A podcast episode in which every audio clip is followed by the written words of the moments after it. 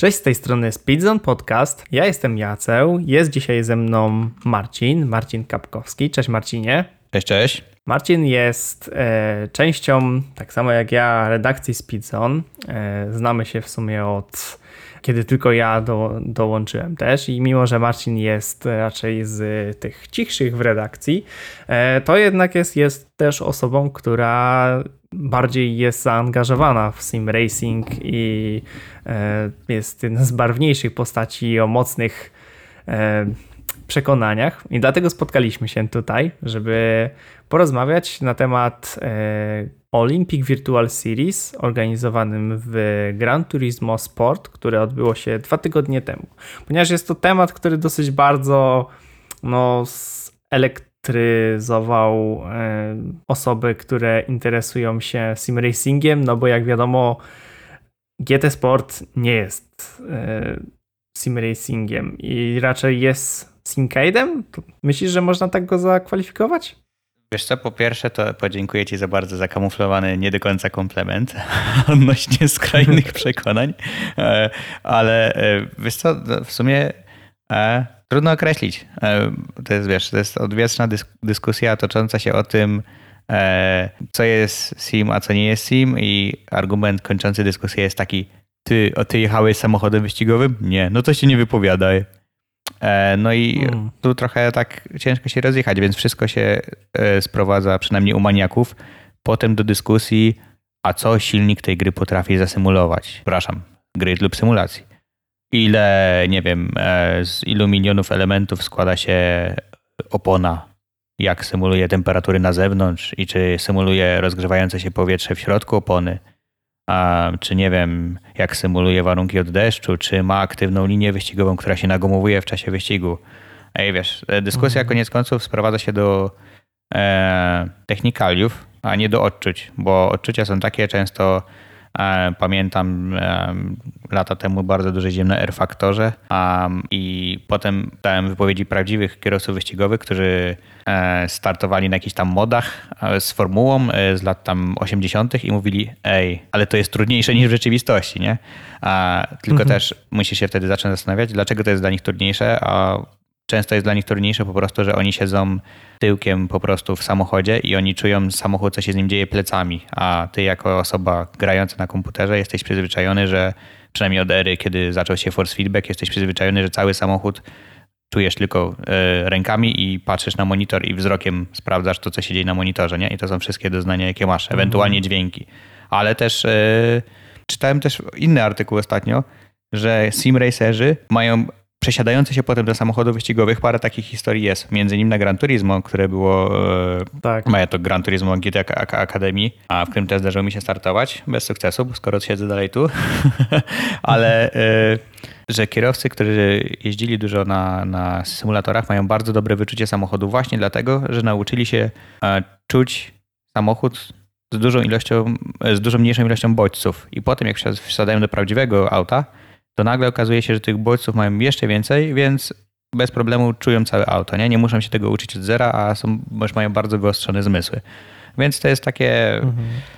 Dlatego ten temat nie ma końca, nie? Bo każdy może dodać coś od siebie i prawdopodobnie każdy będzie miał trochę racji. No tak. No i właśnie dlatego e, generalnie no, to jest kontrowersyjne, że olimpijska seria e, no, jest przypięta po prostu do Gran Turismo Sporta, który jest e, dosyć uproszczonym symulatorem. I czemu właściwie tak jest? Czemu nie wybrano w takim razie e, czegoś, co jest bardziej reprezentatywne pod względem bliskości do rzeczywistości?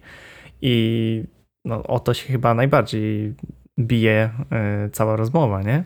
No wiesz co, tak gadaliśmy, wiem, wcześniej, że w ogóle mamy trochę wątpliwości odnośnie tego, jak cała ta e, wirtualna olimpiada została zorganizowana, bo to trochę tak wyglądało na szybko, trochę mieli wszyscy móc śledzić, trochę potem nie wiadomo, gdzie, gdzie to się działo, jak się działo, dla kogo to było.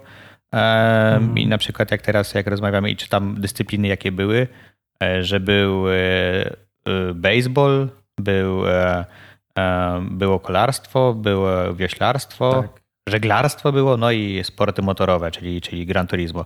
E, I trochę mam tu tak. taki, e, mój kierownik pracy lubi takie sformułowanie dysonans poznawczy, bo wiem, bo kiedyś nawet próbowałem e, sobie to załatwić i na przykład kolarstwo jest w ogóle z fajną aplikacją Swift i to jest taki, że twój normalny rowerek podłączasz sobie do kompa, Mhm. masz wyświetlaną trasę i musisz ty fizycznie pedałować, czyli pamiętam Kubica nawet z, tym startował w e, wirtualnym e, Tour de Polon. I normalnie Mhm. potem rzuca filmy na Instagrama, gdzie się z niego lało, nie? Powiedział, że zrobił swoją życiówkę, bo tam ci software ustawia opór e, na tym, jak pedałujesz, więc jak jedziesz pod górkę, to ty masz, wiesz, ciężko, nie? Jak jedziesz z górki, to masz lekko i to jest Mhm. normalne. Poza tym, że ci wiatr nie wieje w, tras, w twarz i nie musisz skręcać, albo ci pani, jak ostatnio na, nie wiem, czy widziałeś na Tour de France, transparentem wywali pół peletonu, jest Tak. afera. No, to poza tym masz normalny, prawdziwy wysiłek, wysiłek fizyczny i to, to nie są przelewki, nie? Tak samo jak masz wieślarstwo. Powta- Podłączasz sobie do e, kompa i normalnie zasuwasz jak na siłowni. A, i- a nagle potem masz, czyli masz prawdziwe sporty, nie? Prawdziwy wysiłek fizyczny, niby wirtualna olimpiada, a potem nagle masz e, na przykład, e, nie wiem, Gran Turismo, tak? Czy baseball, Mhm. gdzie sobie na, najlepsze było też ten baseball była w, e, e, w tym jakby w liga na Switchu, nie? Też olimpijska. Więc tam duży na Właśnie pewno. nie mam pojęcia, jak to było rozgrywane. No tam były jakby na federacje podzielone na PlayStation, na Switcha i na inne. Teraz jest, jaki masz wysiłek na Switchu, a jaki masz wysiłek, jak musisz zaiwaniać przez 3 godziny na rowerze, nie? Sobie po z całym szacunkiem oczywiście, e, ale tak samo na, na Gran Turismo, nie? Oczywiście w sim racingu też, szczególnie w tych takich długich wyścigach, czy, czy przy, przy tych nowych kierownicach e, masz e, z Direct Drive'em, masz e, duży wysiłek, bo możesz sobie ustawić takie momenty i siły na kierownicy, że będzie ci ciężko to fizycznie skręcić, albo ci będzie kierownicę z rąk wyrywać. Ale no, Mhm. to jest trochę co innego niż do gościa, z którego się leje, tak mi się wydaje.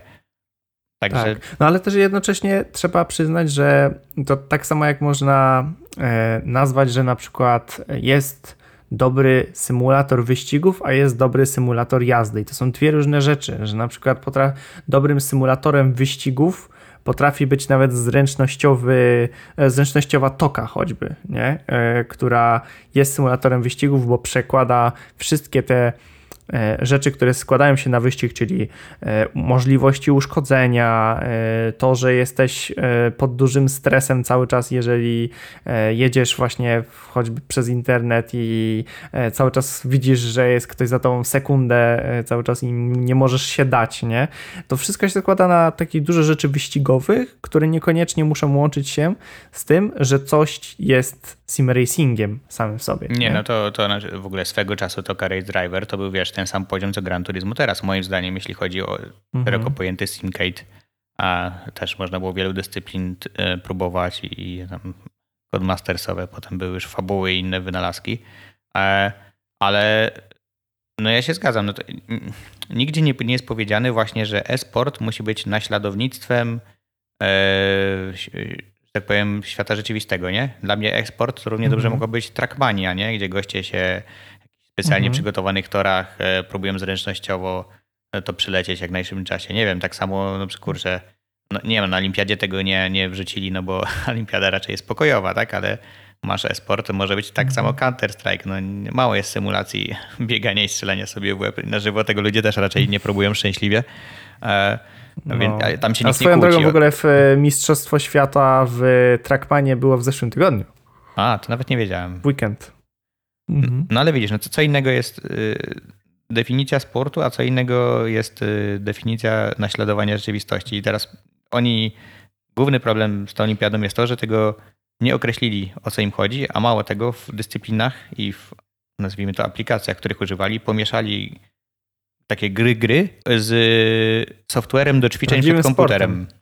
No dokładnie. No Mhm. i, i nie wiem, no to jest takie, zresztą mówię, tak jak czytałem artykuły, że e, organizatorzy olimpiady szykują skok na e, fanów e-sportów, nie? Tak jakby się z każdej, w ostatniej chwili skapnęli, że mogą z tego uszczknąć coś dla siebie, więc dowalili, więc dowalili jakąś dyscyplinę i wirtualną olimpiadę e, zorganizowali. Mhm. A czemu Gran Turismo? Myślę, że po prostu to jest gra znana z tego, bo jednak GT Akademii i to, że stamtąd ludzie przechodzili do prawdziwych wyścigów. E, Mało No tego, tak, przynajmniej jeden z nich. demo Gran Turismo 6. Tak, mało tego, przynajmniej e, jeden z nich autentycznie wygrał Le Mans potem, znaczy jego drużyna, tak? I on był w niej. A, i, Wiem, że mm, startował, a nie wiedziałem, że wygrał. Wygrał, wygrał. Um, e, dokładnie chyba dwóch było, którzy całkiem dobrze sobie radzili na Le Mans, a już nie pamiętam nazwiska, um, ale wygrał, wygrał. A, I potem normalnie oni byli, w, że tak powiem, w teamach wyścigowych zatrudnieni przez jakby przez e, Nissana, zdaje się, czyli de facto przez współpracę z, Mhm, z tak, tak. polifonii, ale potem e, by okazali się na tyle dobrymi kierowcami, że nie musieli już mieć żadnego wsparcia i o, o Lucas Ordoniez e, to był chyba pierwszy wygrany całego GT Mhm. Academy i on chyba potem też wygrał Le Mans. Mogę się mylić e, w klasie LMP2, ale tak mi się wydaje. E, I byli na tyle dobrymi kierowcami, że po prostu jak się skończył program wsparcia przez e, Polifon i Nissana, to oni znaleźli robotę gdzie indziej bez problemu i się dalej ścigali. Się ściga Mhm. przynajmniej dwóch pierwszych wygranych, albo nawet trzech pierwszych się ściga zdaje się do tej pory ze sponsorami swoimi i tak dalej. Także Mhm. pro, prawdopodobnie tu stoi, wiesz, to stoi za tym, tak, że, że tak powiem, chociaż nie, nie wiem, bo mówię, z jednej Słuchaj, strony wybrali bar- się. bardzo Tak. nisz, niszową, wiesz, Mhm. bardzo niszowe software albo do, do kolarstwa, albo do rowingu, czyli, czyli do um, wioślarstwa. Już no nie powiem profesjonalne, ale taki stricte do ćwiczeń. To nie jest gra ogólnie znana, tak? A z drugiej strony Tak, wybrali niszowy popularną software grę. praktycznie, który jest używany przez profesjonalistów. I hobbystów też, ale po prostu fizyczny wysiłek i to nie jest ktoś, kto ma sprzedane miliony kopii na całym świecie i ma reklamy w telewizji i, i wiesz, organizują światowe eventy, gdzie ludzie sobie Mhm. śmigają na kierownicy, um, tak jak jest z Gran Turismo, więc e, nie wiem. E, to, Widzisz, no to może widzieć, podzielmy się w tym momencie. Ja powiem dlaczego za, a ty powiesz czemu przeciw i jak to generalnie widzimy. Co ty na to? no dawaj, zmiaszcz mnie. No generalnie moim za to jest e, sportowe emocje generalnie. Sportowe emocje zapewnia zdecydowanie Gran Turismo Sport i są one bardzo dobrze przedstawione, ponieważ jest e, bardzo dużo informacji, które można przekazywać generalnie widzom, fanom i tak dalej. Nie tylko właśnie z samych nagrań, ale jest potem telemetria, jest e, ściganie się praktycznie w koło w koło i to wszystko generalnie ze sobą współgra, że można faktycznie widzieć tego ducha sportu i to, że ktoś tam walczy o coś naprawdę dużego i jest w tym ta iskra sportowa. Dodatkowo jeszcze to, że Gran Turismo jako coś, co jest szeroko znane, e, może trafić do wielu osób i będzie to wciąż e, na tyle kompetytywny e, program symulujący rzeczywistość, że będzie można zauważyć większość e, rzeczy, które występują w, e, w rzeczywistości. Oczywiście no, nie będzie nagumowania, e, nie będzie rozchodzenia się różnych temperatur w samej oponie, bo to jest coś, co każdy, każda produkcja bierze inaczej pod uwagę. Więc jeżeli można coś uprościć i zunifikować, to ludzie, którzy będą powiedzmy profesjonalnymi, e, e, starający się przynajmniej o profesjonalizm w aspekcie e-sportu, będą mogli się szybciej zaadaptować do uproszczonej wersji symulacji. I to są moje takie dwa koronne. Poza tym, no to oczywiście jeszcze łatwo to, że no, e, ludzie, którzy by chcieli dołączyć i mogliby na przykład zrobić niesamowitą czasówkę, no to mogą to zrobić praktycznie w swoim własnym domu. E, bardzo stosunkowo tanio, bo nie potrzeba do tego żadnego drugiego komputera, do drugich, e, drugiego potem rigu, tylko no to jest po prostu możliwie tania kierownica z force feedbackiem i konsola za 1000 zł. Więc e, dla mnie to jest ogólny plus. Moim, poza tym, że powinno się to być bardziej rozreklamować, żeby można było z tego czerpać jakieś większe mm, emocje, które można byłoby dzielić globalnie, a nie tylko parę fastest lapów w internecie i, e, i praktycznie live stream, który był nie do znalezienia. Ale to są moje takie koronne plusy za tym, że to jednak wybrano Gran Turismo Sporta, a nie na przykład iRacing. E, powiem ci, czemu nie zgodzę się. Przede wszystkim uważam, że Mhm. e, nie, nie- lubię oszukiwania i kłamania, czyli e, albo naciągania faktów. Czyli jeśli mówimy, że robimy e, wyścigi, to albo róbmy je tak, żeby to były wyścigi i nie udawały prawdziwych wyścigów, albo powiedzmy, że to nie są e, naśladowni- nie jest to naśladownictwo prawdziwych wyścigów, tylko my się tu bawimy.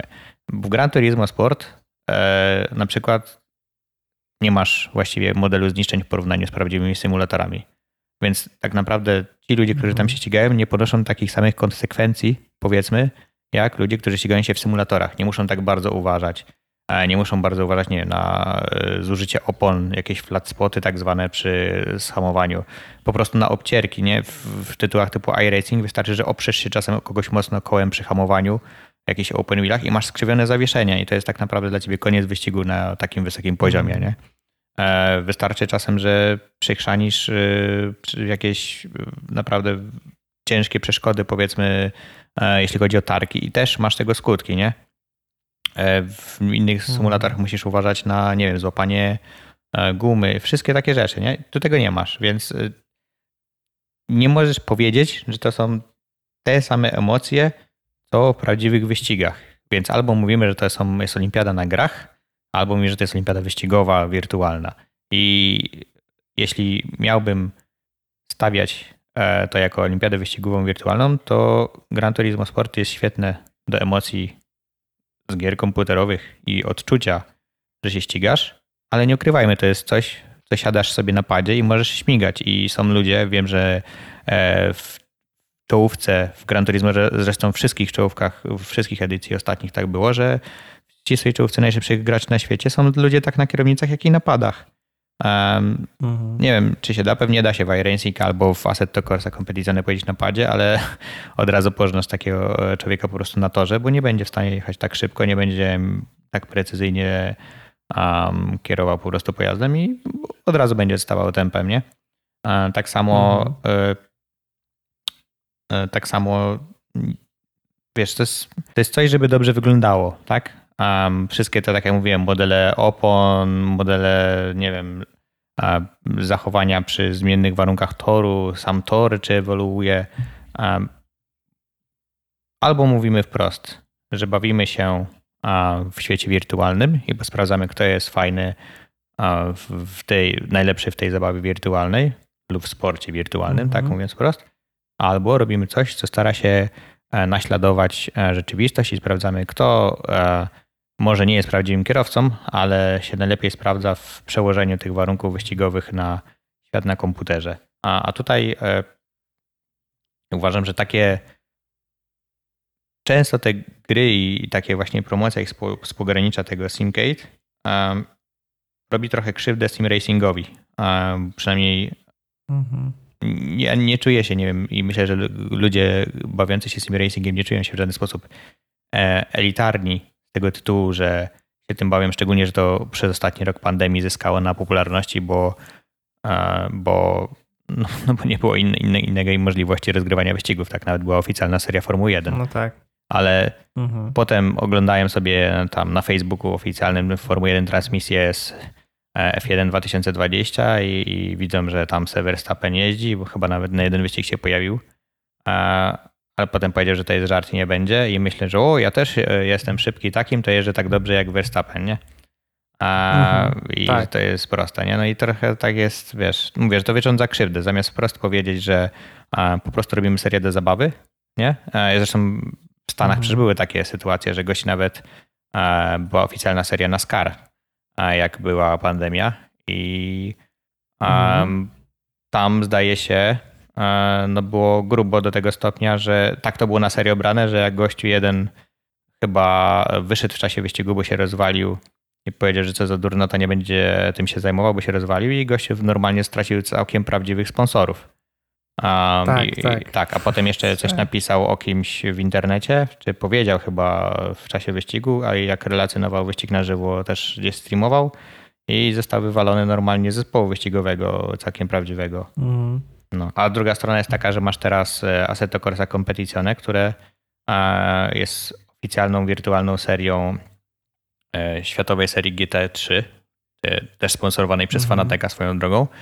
I zdaje się, już wprowadzili tam zapisy w regulaminie, że każdy zespół ma swój odpowiednik wirtualny i zatrudnia e-sportowców i na koniec sezonu prawdziwego, dla prawdziwych zespołów wyścigowych liczą się dodatkowe punkty za wyniki w seriach wirtualnych, w serii wirtualnej oficjalnej, więc tam jest to brane bardzo na serio i podejście też jest inne, tak? To jest rozgrywane na symulatorze i wtedy musisz, możesz mówić o tym, że to jest naśladowanie świata wirtualnego, e, świata, świata rzeczywistego w wirtualu, nie? A tutaj mhm. mówię, no, e, z jednej strony biorą e, gości, którzy muszą się napocić, żeby pedałować albo machać na wiosełkach, tak? A z drugiej strony jest gościu, który się mm, pośmiga na padzie i ten, ten zostanie mistrzem olimpijskim. No nie, nie klei mi się to po prostu. Mhm.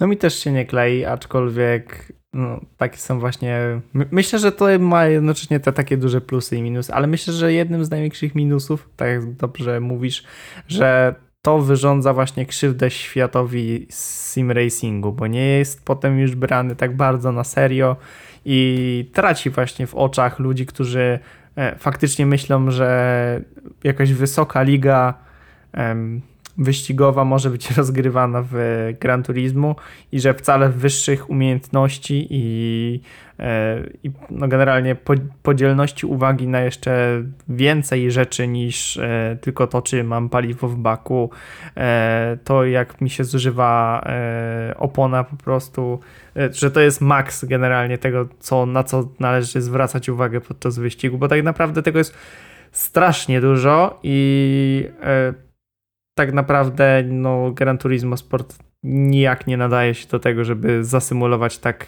tak wiele z y, tych rzeczy.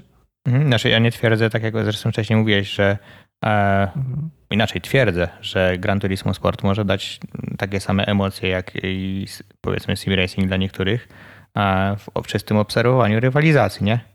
E, no bo, ale, mhm. ale, tak samo można na Twitchu znaleźć ludzi, którzy streamują gry w Pacmana, nie? I też e, się tym ludzie emocjonują. Ale mhm. powiem ci, że właśnie przyszedł mi do głowy jeden argument, bo nie zgadzało mi się coś tutaj, nie? A, mhm. Bo wybrali, przede wszystkim wybrali platformę, która ogranicza tylko e, do użycia je, właściwie jednej konsoli na olimpiadzie, nie? Tak. I teraz zobacz, mhm. masz pierwszą oficjalną olimpiadę wirtualną na oficjalne na, na, prawdziwą, na czas prawdziwej olimpiady w Japonii i na tej oficjalnej olimpiadzie wirtualnej możesz używać tylko gry japońskiego studia Polifonii, która jest wydana na japońskiej tylko konsoli. konsoli. Widzisz, o co tu chodzi? Chodzi o japońską supremację. No i wszystko, wszystko już się wyjaśniło. Cała dyskusja Co więcej, w, głównym, w tym jednym zdaniu. E, w głównym wyścigu E, jeszcze używało się tych e, Toyota Supr A90. Tak, nowej Supry, dokładnie. GT3. No, Oczywiście. No. Więc... To event promocyjny Japonii był. Rząd się cieszy. No, ba. No, także chyba to, to najlepiej podsumowuje i daje odpowiedź, czemu zostało wybrane. Dokładnie. I właśnie myślę o tym, że generalnie najlepszym sposobem mimo wszystko, mimo jakkolwiek to się no, udało i no, są ludzie zadowoleni z e, tej imprezy, mimo wszystko, mimo że mówimy tak naprawdę, że właśnie najwięcej ludzi się kłóci, e, to moim zdaniem odłączenie tego od, olimp od olimpiady myślę, że by wyszło stosunkowo na plus e, samej tej właśnie imprezie, bo mm, tak właśnie pokazywanie ludzi, którzy uczą się na grze generalnie i nie mogą przełożyć potem tego tak dobrze na e, rzeczywistość, no jednak kłóci się jakoś taką lekko z ideą e, samą olimpijską w sobie. Tak mi się wydaje. Ale jednocześnie, czy coś, co już zostało rozpoczęte i weszło właśnie powoli razem z tym baseballem, kajakarstwem i wyścigami zostanie cofnięte, no trochę, trochę wątpię. No ale właśnie co w takim razie z tym takim prawdziwym sim racingiem? Gdzie on powinien się znaleźć, jeśli nie na olimpiadzie? Wiesz co, a tak jeszcze ci wejdę ten słowo. A widziałeś co, tą produkcję, która była wybrana do baseballu? Z mangowymi postaciami, tak, tak, tam rękami lewitującymi, bo bez łokci i tak dalej. No to wiesz, to, to jest dopiero symulacja baseballu, podejrzewam. Chociaż grafika jakby nie definiuje, ale E, nie podejrzewam, żeby na Switchu świetnie się grało baseball prawdziwy. E, ale wiesz co, tak mm, No. jeszcze odnośnie tego samego wyboru.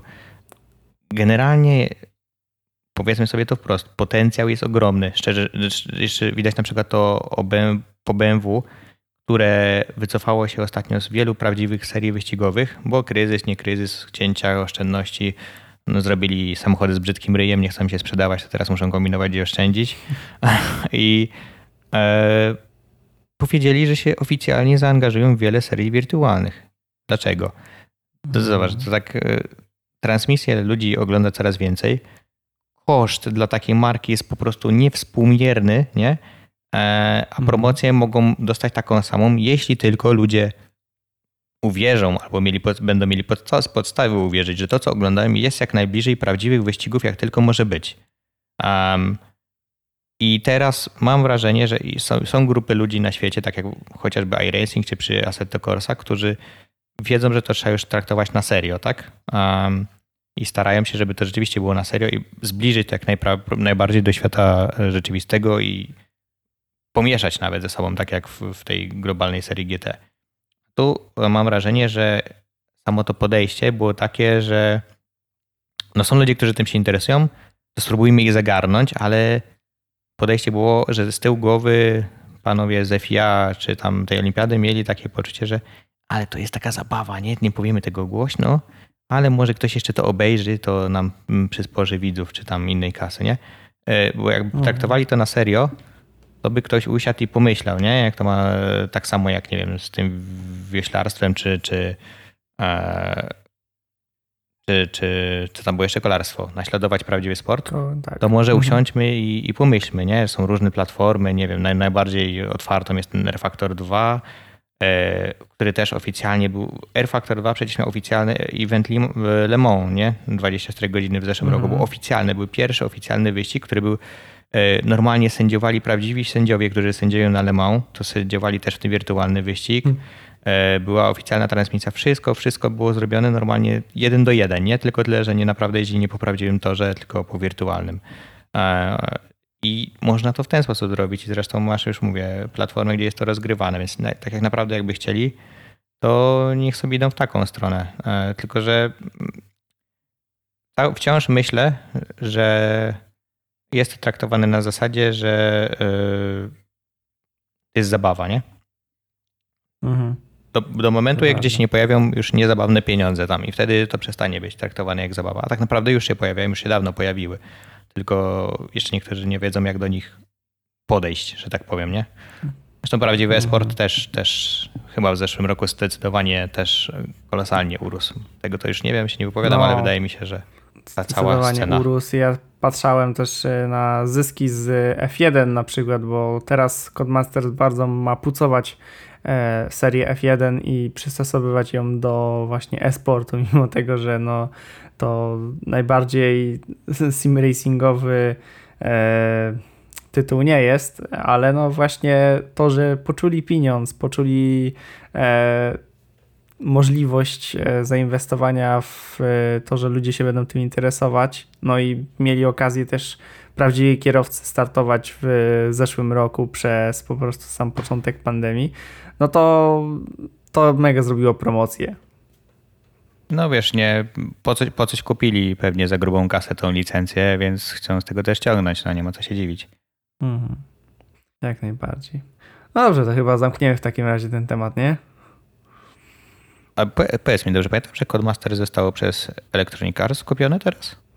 Tak, tak. kupiło No, teraz to się zacznie. i- Teraz to się Ale zacznie. wiesz co, najlepsze jest to, e, tak myślisz, że zdechną wszystkie te studia, które ma ja, tak jak do tej pory zawsze było. Ja w ogóle przypominam, że Codemastersi na przykład mają studio odpowiedzialne za e, ten, za Drive Cluba, który był na PS4, a potem oni robili jeszcze e, co to był? Onrush, o właśnie, nie? I wcześniej, a wcześniej przed Drive Clubem i Onrushem w ogóle był Motorstorm. I więc to jest wielce sukcesywnie studio i to przejęcie było naprawdę gigantyczne. E, A teraz no to wszystko ma EA. I w ogóle F1 2021 ma być niby ostatnią produkcją, w której nie maczało nie maczało palce, a jeżeli jest już pod ręką to studio EA. Wiesz co, czytałem właśnie kiedyś taki artykuł o co się działo ze studiami, które zostały przejęte przez inne duże studia. To tak 9 na 10 przypadków to był zgon, nie? Mhm. No, zobaczymy, co to będzie. E, ja czekam po prostu na dodatek do Simsów, że zostanę kierowcą F1 w Simsach. E, co oni tam jeszcze ciekawego mają? A, no i. Będziesz mógł transformować save'a. I no. A, I co tam jeszcze mają ciekawego? Do SimCity też musi być jakiś dodatek, że zbuduj tor. A zobaczymy, co tam. Coś na pewno wymyślam ciekawego, no nie ma co. Albo, albo będzie DLC, nie, że jak chcesz pojeździć Ferrari, to musisz kupić. Co, coś wykombinują. Mam A parę... propos DLC. No. Właśnie F1 2021 będzie miał jakoś tam kilka tierów generalnie. Oni tam obiecują, że więcej DLC płatnych nie będzie. Ja już im akurat w to wierzę, bo no wiem jak postępowali z Battlefieldem 5, teraz ten Battlefieldem 2042, jak zapowiadają jak ma być.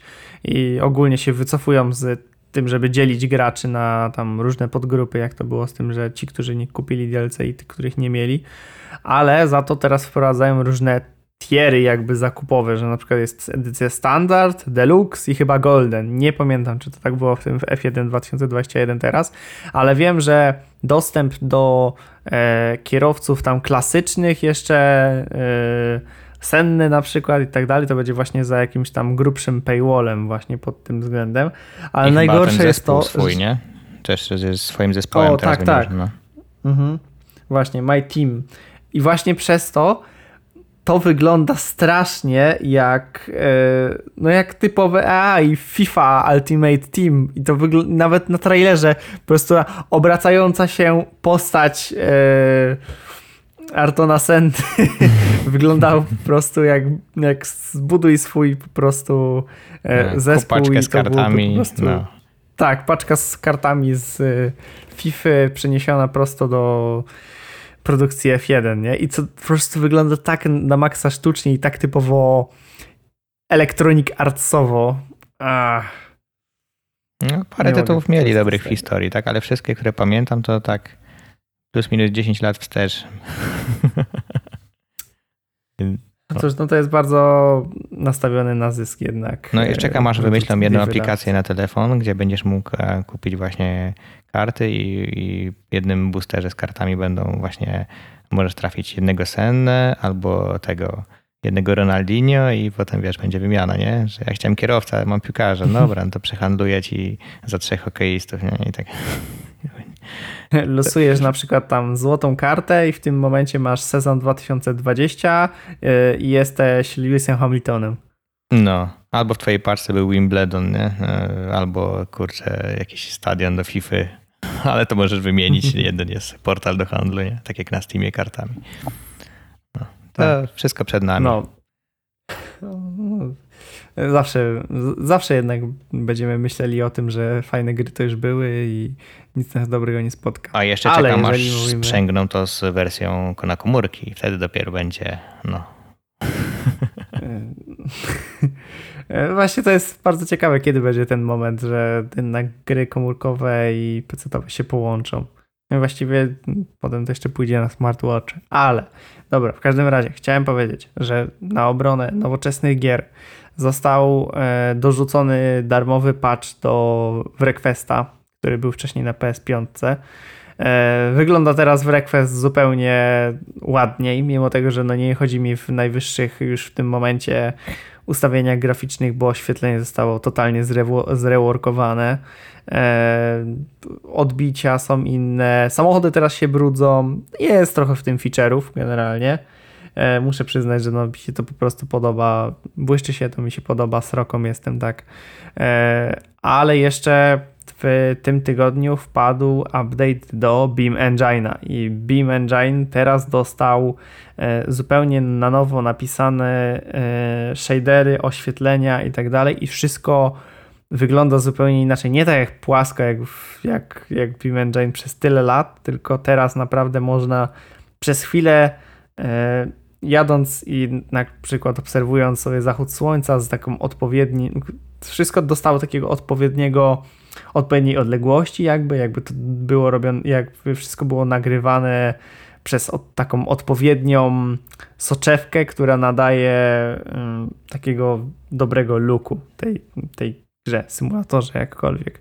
Oczywiście tam jeszcze tam doszedł jakaś tam wersja z samochodu, doszedł nowy pojazd, taki przewracający się trzykołowiec, e, ale no samo to, że tyle czasu Beam Engine, który no nie wyglądał i tylko się bronił zawsze fizyką, a no to przyjmijmy, no jednak grafika zawsze sprzedaje gry, e, no to no w końcu się może wybronić. Ty jeszcze nie grałeś w Beam Engine'a, tak? Nie, znaczy ja powiem szczerze, że ani e, w Requesta, ani Beam Engine'a nie, ale tu, nie wszyscy wiedzą, ale tu na naszym forum redakcyjnym e, wewnętrznym cały, cały czas tak reklamujecie, że się interesuje.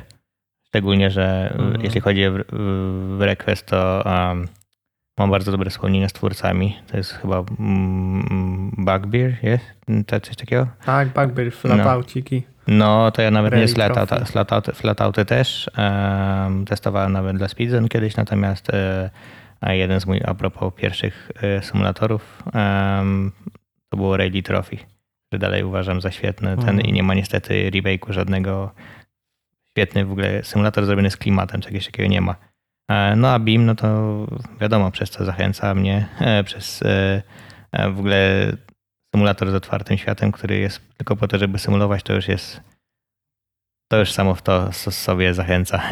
A no ale jeszcze przede mną. No jest naprawdę niesamowite jest to, co wprowadzają obecnie też. Y, cho choćby ostatni jeszcze tam update sprzed, nie wiem, może dwa miesiące do tyłu z oponami, który totalnie zreworkował działanie opon właśnie w kontakcie z powierzchnią, bo teraz no, opony znacznie bardziej czuć, że jaki mają na przykład e, styk w, jakim, w którymś z momentów. I to nie jest tylko tak, że opona to jest taki żelek, co się przewraca od y, lewej do prawej na feldze, tylko w tym momencie no to ma swoją taką sztywność, czuć generalnie, że na przykład może podbijać się ta opona. To jest po prostu tak dużo naturalnych y, efektów działania gumy, które po prostu sprawiają, że no, ja czuję, że BIM będzie miał potencjał na prawdziwy symulator w przyszłości. No i w ogóle chyba szacun za obie produkcje. Znaczy Request to chyba masz 3 lata, ale że jest dalej rozwijane, nie?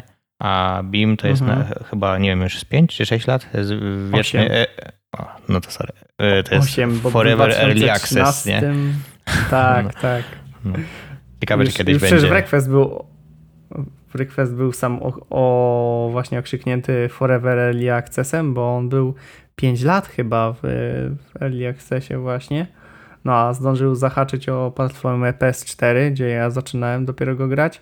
E, no PC i teraz PS5 został dopiero wydany właśnie na, jako na nową generację z tym patchem. No a Beam Engine no to jeszcze zahaczył o czasy, w których używało się e, CryEngine trójki. Mm. No to rzeczywiście. Teraz jakiś tam swój własny ma. Ale ciekawe, czy, no, czy no tak... kiedykolwiek mhm. e, dojdzie do wersji released. Bardzo mnie to interesuje. Czy kto pierwszy? My, co tam czy, zrobić? Czy my kopniemy, czy, czy, tak, czy ta produkcja? Half-Life 3 confirmed będzie szybciej. No, tak. No. No. Dobrze, w takim razie, skoro przeszliśmy od mojego y, newsrooma, y, ja mam w takim razie pytanie i Marcin ma historię swoją związaną z y, samochodzikami za befeczkami, przepraszam, modelami zdalnie sterowanymi i za chwilę Marcin powie, czemu to nie są właściwie zabawki, ponieważ robił to dosyć profesjonalnie i bardzo mnie to też interesuje. Um, no dobrze, znaczy robiłem to profesjonalnie, robiłem profesjonalnie. Um, profesjonalizm w Polsce, przynajmniej jeśli chodzi o um, ten sport, bo tak chyba mhm. można nazwać, e, niestety nie polega na profesjonalizmie, czyli takim, że się z tego żyje, mimo że w krajach zachodnich, a szczególnie w Stanach, e, normalnie masz e, sponsorów i no tak, z tego zarabiasz na tym, jak wygrywasz i to wystarcza, nie? Natomiast mhm. u nas to jest dalej, że tak powiem, zabawa rodzinna. i no jak masz kasę, to jeździsz, jak nie, to nie masz. Ja od ósmego roku życia bawiłem się zabawkami, wtedy jeszcze nazwijmy to zdalnie sterowanymi. Wzięło się to stąd, że jakby z dziada, pradziada u mnie z kolei męska gałąź rodziny zajmowała się modelami zdalnie sterowanymi samolotów. Jeszcze z czasach, kiedy jak mhm. chciałeś zrobić model zdalnie sterowany, to sam brałeś balsę, deseczki, wycinałeś, oklejałeś już nie pamiętam, co to był, papier jakiś, tak? Wszystko. E, sam konstruowałeś nadajnik z elektroniki, zbijałeś drewnianą skrzyneczkę na to i latałeś. Tak to było. Natomiast e, ja już byłem, że tak powiem, miałem zaszczepiony przez mojego tatę. Samolotów się nie udało, zresztą mój brat tak samo, tak, tak samo a więc dostaliśmy. E, najpierw ćwiczyłem zabawkowym, zdalnie sterowanym samochodzikiem narysowanym mm, kredą torze na parkingu pod blokiem mhm. jako ośmiolatek, a potem dostaliśmy razem z moim bratem sporo starszym modele prawdziwne, że tak powiem. E, I pojechaliśmy na zawody i tak to się zaczęło. I szczerze mówiąc, od ósmego roku życia właściwie do matury, to yy, przez okres wakacyjny w szczególności, to co tydzień albo co drugi weekend, yy, od piątku do niedzieli wieczór, włącznie ze zwolnieniami ze szkoły na wyjazdy na zawody, to mnie nie było i byłem na zawodach, nie? Um, mhm. Także to daleko jestem od zabawy. E, przede wszystkim przez e, trochę przez koszty, e, bo koszty w pewnym momencie rosną a, no bardzo. Po drugiej, z drugiego końca mówiąc przez wiedzę, też to się różni od zabawy, dlatego że myślę, że mało jest um, 8 czy 10 latków, którzy potrafią wytłumaczyć, jak działa dyferencjał, a ty jeżdżąc tam musisz to wiedzieć, więc ja też musiałem. Lub też potrafią wyregulować amortyzator, zmieniając mu sprężynę, um, gęstość oleju, czy tempo przepływu oleju przez tłoczek. Takie cuda tam są, e, nie wiem, przełożenie, wszystko, nie? Dobierasz opony, wszystko tam robisz geometrię zawieszenia ustawiasz tak jak w prawdziwym samochodzie wyścigowym i ty to musisz wiedzieć, bo, no bo inaczej um, po prostu nie będziesz tak szybki, jak może być. Oczywiście jako 8 czy 10 latek tego wszystkiego jeszcze nie potrafiłem, tylko się uczyłem albo robiłem to na ślepo. E, natomiast potem, szczególnie mhm. jak się z modeli, bo zacząłem modelami um, elektrycznymi, potem przeszedłem się na spalinowe, um, gdzie jeszcze dochodzi ci regulacja normalnie mieszanki a, silniku, czyli regulujesz sobie ile powietrza dostaje silnik do paliwa, musisz go dopasować do warunków na torze, jak jest gorąco, musisz go trochę bardziej zalać paliwem, żeby się mógł chłodzić. A, no to już naprawdę zaczyna robić e, bardzo, bardzo, bardzo pro. zaczynałem jeszcze, żeby było to śmieszniej. Kiedy tak generalnie no? wybrałeś e, moment, że przyszedłeś na spalinowce z elektryków? E, wiesz co, to nie do końca jeszcze było przeze mnie tak naprawdę wybrane, e, bo to ci powiem całą historię, szybko postarałem się, bo zaczynałem jeszcze mhm. w e, modelarni w Pałacu Kultury i Nauki w Warszawie i teraz to jest pewnie nie do pomyślenia, bo zaraz by jacyś rodzice wparowali i tak dalej, natomiast wtedy to było normalne w latach 90. jeszcze, że wchodziłeś do modelarni, czyli do pokoju, a ha, sali właściwie, byli instruktorzy i e, dzieciaki po naście lat sobie stały przy normalnych maszynach, nie wiem, z wiertarkami, czasem przy frezarce takiej, wiesz, normalnej warsztatowej i sobie frezowały elementy do modeli, tak? Albo toczyły y, ośki hmm. metalowe czy coś i potem składały to.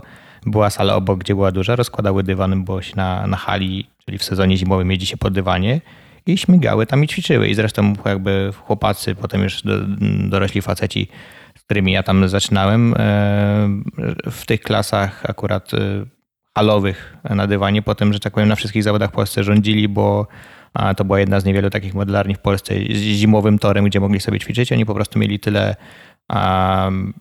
tyle praktyki, nie? Przechodząc tam, a drugie, że jeszcze sami Cały potrafili. Rok mogli tym... jeździć. Tak, że jeszcze poza tym sami budowali swoje modele, nie? Na początku, e, więc hmm. wiedzieli wszystko, a potem już jakby Potem zaczęły się pojawiać zestawy gotowe, wszystko na włóknach węglowych, aluminium i tak dalej. I się zaczęły robić rzeczy, których nie jesteś tak łatwo w stanie zrobić samemu, a więc skończyło tym, że de facto kupujesz model, który składasz nie, z zestawu, natomiast jakby e, w dalszym ciągu albo nawet bardziej masz wszystkie ustawienia z prawdziwego samochodu wyścigowego, nie? Od gęstości oleju w dyferencjale e, przez wszystkie geometrie, zbieżności, rozbieżności, a mogę ci powiedzieć historię, jak działa, bo potem jeździłem w właśnie trochę przechodząc do Twojego pytania, nie pamiętam ile, mm. z 4-5 lat jeździłem na pewno samochodami elektrycznymi, um, różnymi, w różnych klasach, um, czyli w skali 1 do 10 głównie wszystkie to były, um, czyli to są takie z rozstawem kół 200 mm. Po, mm. Potem się na taki podmianę spalinową przesiadłem, chyba po około 6-7 latach. To też była kwestia po pierwsze kosztów, po drugie a powiedzmy sobie, że 10-12-latek e, niosący model z silnikiem rozgrzanym do 100 stopni, wystającą głowicą e, nie jest do końca bezpieczne, więc e, stąd też raczej się nie spotykało wiesz, no, najmłodszych zawodników w tych klasach. Po prostu raczej to była klasa dla mhm. Starszych nastolatków albo po prostu dla dorosłych facetów, już powiedzmy sobie to prosto. Aczkolwiek jak jeździłem, nie wiem jak jest teraz, bo um, trochę zamykając tak klamrą, e, z reguły tak jest, że ludzie tam jeżdżą i e, dochodzą do etapu matury mniej więcej e, i potem albo zostają w tym jeżdżą dalej, albo, albo z jakichś powodów rezygnują różnych, różnistych. No ja akurat zrezygnowałem z tego mhm. powodu, że doszedłem do poziomu, gdzie pierwszy raz właśnie w tej klasie tak zwanej IC8, czyli to jest klasa 1 do 8, czyli większe modele spalinowa, Pierwszy raz polska reprezentacja została zakwalifikowana do Mistrzostw Świata um, i Mistrzostw Europy, przepraszam, zdaje się. No i e, jakby tam byłem ja w tej najlepszej trójce czy czwórce e, zawodników kraju i oznaczało to, że e, musisz pojechać na chyba tydzień mniej więcej albo ponad tydzień, polecieć właściwie do Portugalii, gdzie musisz mieć dwa silniki ze sobą na pewno, E, na, na jakby mhm. co. Jeden silnik, to ci powiem, to jest koszt około 350 euro. E, musisz mieć naście kompletów opon, a para opon, nie? Para na jedną oś to jest 80 mhm. zł. E, musisz być z drugą osobą, czyli z mechanikiem, ponieważ finał, zawody generalnie modeli spalinowych wyglądają tak, że masz biegi eliminacyjne, gdzie jeździsz 5 minut, czasem 8, przynajmniej kiedy ja jeździłem, i no, uczysz się de facto powiedzmy modelu, ustawiasz go, a potem masz półgodzinny finał. Przy czym e, paliwa mhm. masz e, w zbiorniku tak na powiedzmy właśnie 5 do 8 minut, w zależności od warunków i różnych innych rzeczy. Więc w czasie finału masz normalnie aleję serwisową, gdzie stoi twój mechanik, e, podjeżdżasz, on podnosi twój model i dolewa mu paliwa, stawia i jedziesz dalej. Więc potem mhm. pamiętam, że jak ja zaczynałem, to tankowało się z takich butelek po prostu, którą naciskałeś i z rurką i, i a przelewało się do paliwo do zbiorników, a potem już się zaczęły pistolety na tankowanie, które um, trochę pod ciśnieniem to pakowały, żeby szybciej po prostu zatankować i móc jechać dalej, nie? To jest z odpowietrzeniem. Tak, no więc y, oprócz ciebie musiał do tej Portugalii na ponad tydzień lecieć jeszcze mój mechanik tak naprawdę, nie? Więc masz dwuosobowy wyjazd, mm. kurde, na ponad tydzień do Portugalii, musisz dopłacić za jakiś y, E, dodatkowy bagaż ekstra, bo sprzętu masz ze sobą wzięcia od cholery. A to wiesz, pamiętam, że było, było to, nie wiem ile to się jest, ponad 10 lat temu na to dostałem, no i po prostu nie starczyło na te kasy. No i już powiedziałem wtedy, e, powiedziałem ojciec, albo się w to bawimy na serio, a jak już to, co mogliśmy, że tak powiem, finansowo i w inny sposób się bawić, jakby tu osiągnęliśmy w kraju, to nie ma sensu się dalej to mm. bawić. I potem powiedziałem, że to spróbujmy czegoś innego i pamiętam, pojechałem jeszcze, już nie ma tego toru w Lublinie. Eee, na tor kartingowy w Lublinie i powiedziałem, że e, koszt jest bardzo bliski był już wtedy, nie? I powiedziałem, że to ja chcę teraz pojeździć czymś prawdziwym i, znaczy czymś prawdziwym, czymś w czym siedzę i spróbujemy w karting. I pamiętam, że byłem już bardzo bliski kupienia karta e, używanego rocznego, natomiast tam z różnych innych powodów koniec końców to nie wyszło. ale tak, mhm. no warto wiedzieć, że to są te modele tej światowej klasy, już powiedzmy, które są Mistrzostwa Świata rozgrywane. To jest e, ponad 2,5 kg, które na 100-metrowej prostej rozpędza się do 100-120 km na godzinę, ma automatyczną dwubiegową skrzynię, silnik normalny spalinowy, który kręci się do ponad 40 tysięcy obrotów na minutę. Mhm. Dalekie to jest od zabawek. Rozumiem. Ale generalnie to jak mówiłeś o tym, że jak się e, dochodzą ludzie do matury i zazwyczaj wtedy się albo wkręcają w to na maks, albo przestają bawić, to myślałem, że powiesz, że zazwyczaj wtedy ludzie przechodzą ewentualnie do kartingu, bo ja też słyszałem o tym, że e, często ludzie, którzy zaczynają od e, właśnie sobie RC-ków i się bawią w to mocno, no to potem zauważają, że tak naprawdę tak e, wysokiej jakości części, które pozwalają na kompetytywną generalnie zabawę właśnie modelami zdalnie sterowanymi, to są niewiele już od cen praktycznie obsługi go kartu, którym no jednak się fizycznie jeździ, nie? No wiesz co, znaczy też matura ma inne to do siebie rzecz, że z reguły po maturze przychodzą rodzice i mówią, e, to teraz żyjesz na swoje konto. I to jest też no często tak. ten moment, dlaczego ludzie rezygnowali z tego. No ale pamiętam, wiesz co, pamiętam, że właśnie jeździłem już tej, tej najwyższej, najszybszej, e, najbardziej pro powiedzmy klasie e, któryś tam sezon, chyba z drugi. I był jeden gościu, który mm, po prostu potrafił nas całą stawkę nagle zacząć odstawiać, nie? Tam także dokładał mhm. nie wiem, z pół sekundy na okrążeniu, bo tam też e, były często wyniki mierzone różnice w tysięcznych sekundy, nie? Normalnie wkłada się transponder, mhm. czyli nadajnik sygnału do modelu i przejeżdża się nad pętlą e, zakopaną w torze na linii startu mety, więc normalnie masz szczytywane tak naprawdę czasy okrążeń elektronicznie, tak jak w prawdziwych wyścigach. No i mhm pamiętam jeden właśnie zawody, jedne zawody, gdzie przyjechał ten gościu. Um, przepraszam, gościu, pozdrawiam Rafał, jeśli słuchasz. E, I um, zaczął nas odstawiać e, wszystkich nagle znikąd, nie? I także w poprzednich zawodach wszyscy byli w miarę blisko, a potem e, właśnie ten kolega strasznie nas odstawił. No i o co chodziło? Po pierwsze okazało się, że jakby finansowo nie miał problemu i też blisko granicy mieszkał, więc był w stanie jeździć właściwie mm. raz na miesiąc przynajmniej za zachodnią granicę i w Niemczech ścigać się na dużo bardziej profesjonalnie przygotowanych, doinwestowanych torach z zawodnikami, którzy regularnie startują w Mistrzostwach Europy. Zasada jest taka prosta, że jak ścigasz się z szybszymi, to się od nich uczysz, nie? Jak ścigasz się z wolniejszymi, to nie masz co się od nich uczyć, no bo jesteś najszybszy.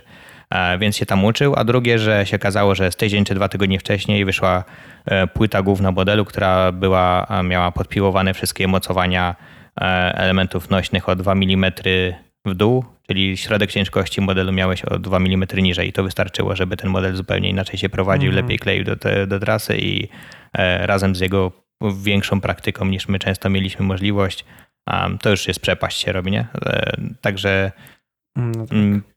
Tam trzeba wszystko brać pod uwagę. A z, ciekawych, z ciekawostek powiem, jeśli kogoś to zainteresuje, właśnie ta najwyższa klasa ma napęd e, tak naprawdę na cztery koła e, i ona nie ma opon gumowych, ma, znaczy przepraszam, ma, możesz zmieniać gumowe, bo ona ma w ogóle koła zakładane zatrzaskiem, a nie je pojedynczą nakrętką, -hmm. ale pojedynczym środkowym zatrzaskiem, więc jak podjedziesz do mechanika, to on może ci też, jeśli jest potrzeba, e, szybko zmienić koła tak naprawdę, nie?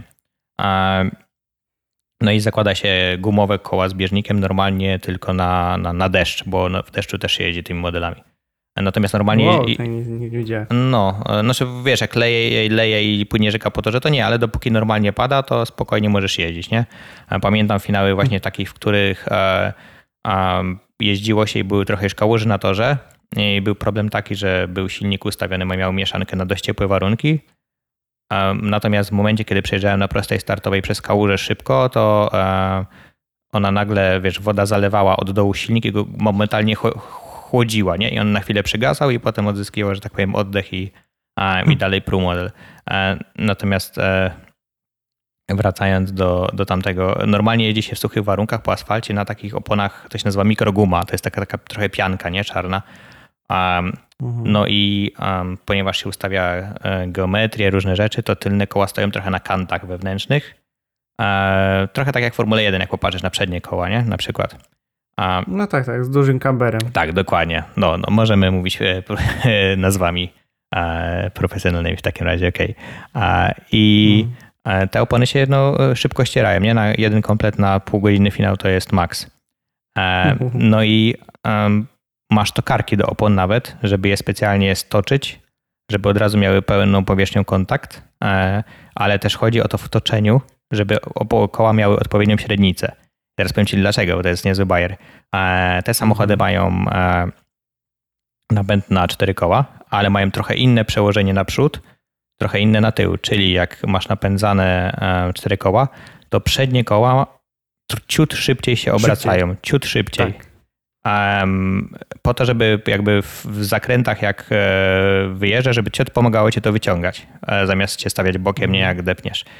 Ale przez to, że e, szybciej się obracają, to też szybciej się ścierają, nie? bo są bardziej obciążone i jeszcze tego skręcają.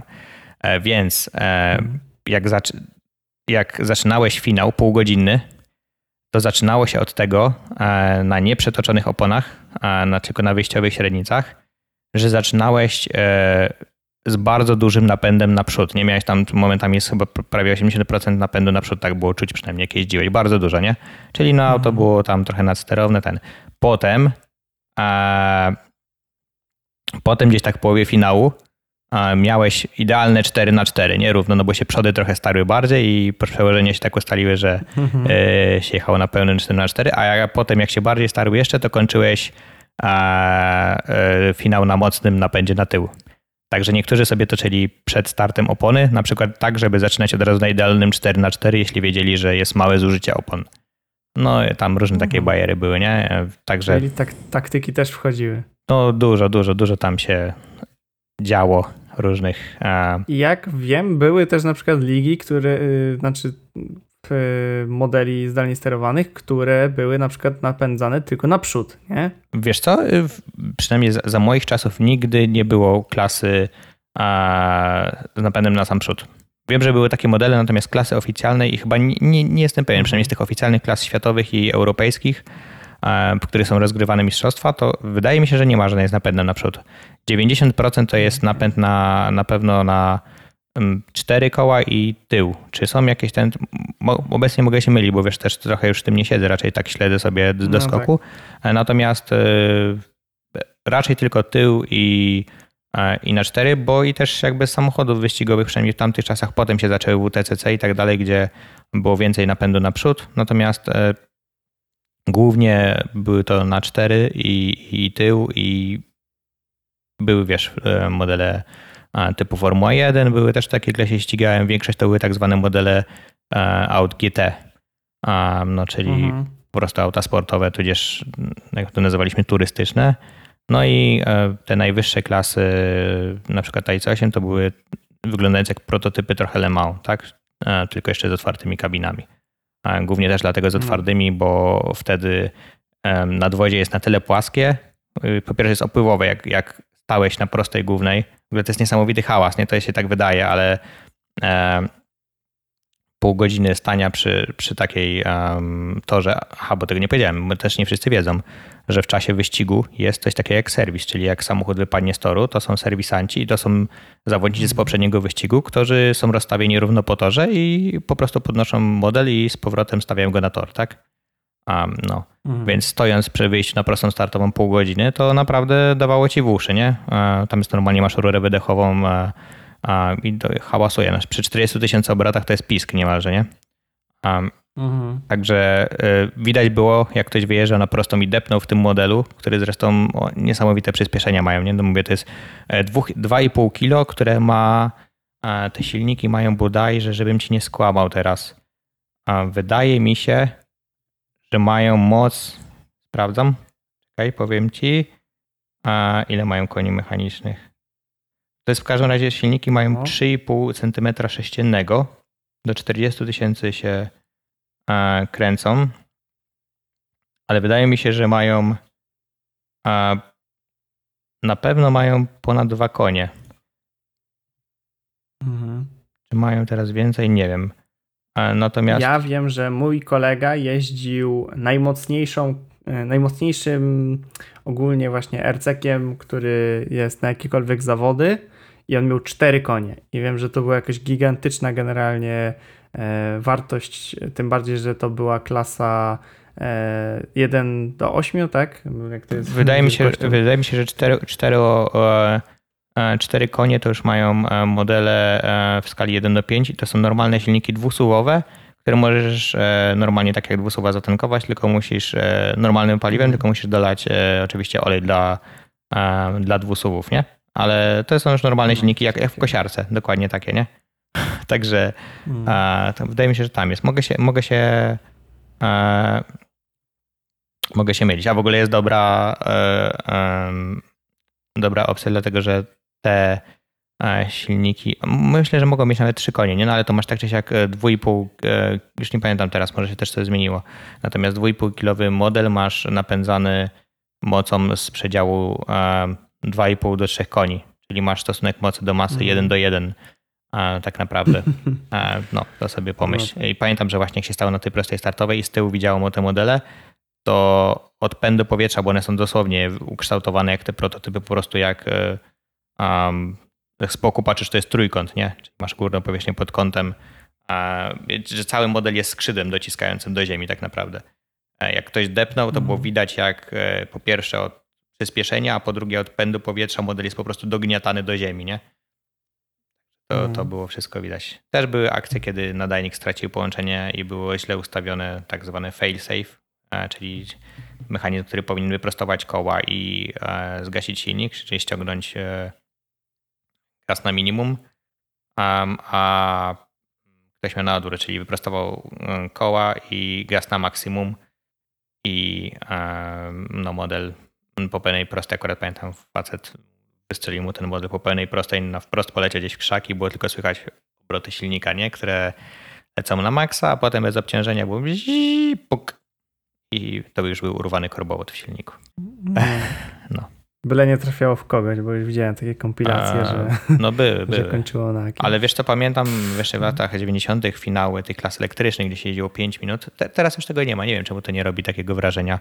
A, czy po prostu ludzie nie zwracają na takie rzeczy uwagi, bo telefony są fajniejsze, czy cokolwiek z tych rzeczy, ale Mhm. a, były na przykład zawody w Tarnowie, w Tarnowie na zewnętrznym torze i e, było dwóch e, kolegów, którzy naprawdę jeździli, e, super jeździli, nie? I potrafili jechać 5-minutowy finał, prowadząc na zmianę w odstępach kilku centymetrów od siebie. Nie dosłownie zderzak, zderzak, nie? No to przy, przy jeździe takim modelem stoisz na kilkumetrowym pomoście nad torem, żeby wszystko widzieć. I naprawdę jazda w dystansie kilku centymetrów bez puknięcia się, nie? I idealnie takim samym tempem z drugim kierowcą przez 5 minut, to, to jest wyżej, nie? Zręcznościowy, wysiłkowy do, dla organizmu, do, do wszystkiego. I zbierali się ludzie przechodnie i oglądali takie wyścigi i zaczynali klaskać, jak widzieli, jak ci ludzie jeżdżą, nie? To, teraz tego nie ma. Nie wiem, co się pozmieniało w ludziach, ale, czy nie doceniają takich rzeczy, czy nie widzą, ale e, naprawdę robiło to wrażenie i fajnie było, że ludzie to zauważali. A swoją drogą ciekawa rzecz, nie Mhm. wiem, czy a, wiecie, ale to jest coś podo- podobnego jest, jak mają kierowcy wyścigowi, e, czyli nie mruga się. Jak jedziesz, to nie mrugasz, nie? Bo, bo stracisz, że tak powiem, kontakt wzrokowy z modelem, nie? I o ile przez e, 5-minutowy wyścig to jest ok, powiedzmy jeszcze czasem, e, zawsze wychodziłem na przykład na pomost, to szczególnie, że to są letnie zawody na dworze, to w czapce, żeby ci słońce nie zaczęło walić w oczy, no bo zaczniesz, zaczną ci łzawić i będziesz musiał zacząć mrygać. A to przez półgodzinny finał nie da się nie mrugać, nie? Powiedzmy, że masz chwilę na mrugnięcie podczas jazdu do boksów, a Mhm. ale e, były opcje takie, że po prostu było takie słońce, albo zaczął wiatr wiać i wtedy oczy zaczynają zawić, że po wiesz, kilku minutach niemrugania, e, jak ci zaczną zawić oczy, to po prostu masz potok, nie? I starasz się po prostu coś wymyśleć, mrugasz szybko, coś ten zwalniasz, żeby, żeby cokolwiek widzieć, nie? Bo się zaczyna robić problem, bo tracisz fizyczny kontakt wzrokowy z modelem, a to ci gościu ucieka potem kilka sekund na okrążeniu. A pamiętam też a propos podchody zjazdu do, do boksów, bo jak zaczynałem, to e, na dole e, stał mój mechanik, czyli mój tata i po prostu jak miał policzone na ile e, starcza benzyny w zbiorniku średnio jeżdżąc, benzyny, paliwo to jest mieszanka e, Nitro. nitro, tak, tam jest etanol, także można się jeszcze nawąchać. Przez pół godziny finał, jak jest bardzo gorąco. Mój brat kiedyś szedł, to powiedział, że się czuje jakby trochę wypił. No i nie był, nie, nie, nie, nie dziwiłem mu się. I po prostu mój tata, jak mu dzwonił budzik, po powiedzmy 7 minutach wyliczonego czasu, na ile nam starcza a, jeden bak paliwa, a, i mi krzyczał, nie? Marcin, pit stop, nie? No i zjeżdżałem. A potem to już wiesz, po, po pierwsze jak masz 10 albo 12 takich modeli, czy ileś tam zasuwających po to, że nie słyszysz, to jest taki hałas, że nie słyszysz nic. A, a po drugie, no komunikacja czy coś, to był klucz, nie? No, potem już ludzie zaczęli ten darmowe minuty do mechanika wykupować i y, przez pół godziny finał byli połączeni na słuchawkach. A potem po prostu się zestawy walkie-talkie pojawiły, żeby być w stałym kontakcie. Wszystko, wiesz, tam mówię ci, to niby to są, jest w skali, nie? Ale kombinatoryka i w ogóle zabiegi e, to masz wszystkie takie same jak w prawdziwych wyścigach. Także to pod tym kątem naprawdę można się dużo nauczyć, e, chociażby nie wiem, wpływu Taktyki. y, tak, ale w ogóle z wpływu zachowania y, pojazdu na zmianę ustawień, nie? Nawet w prawdziwym Mhm. samochodzie nie masz takiego, że zrobisz sobie trzy okrążenia, zjeżdżasz i śrubokrętem zmieniasz ustawienia, nawet wyścigowym, nie?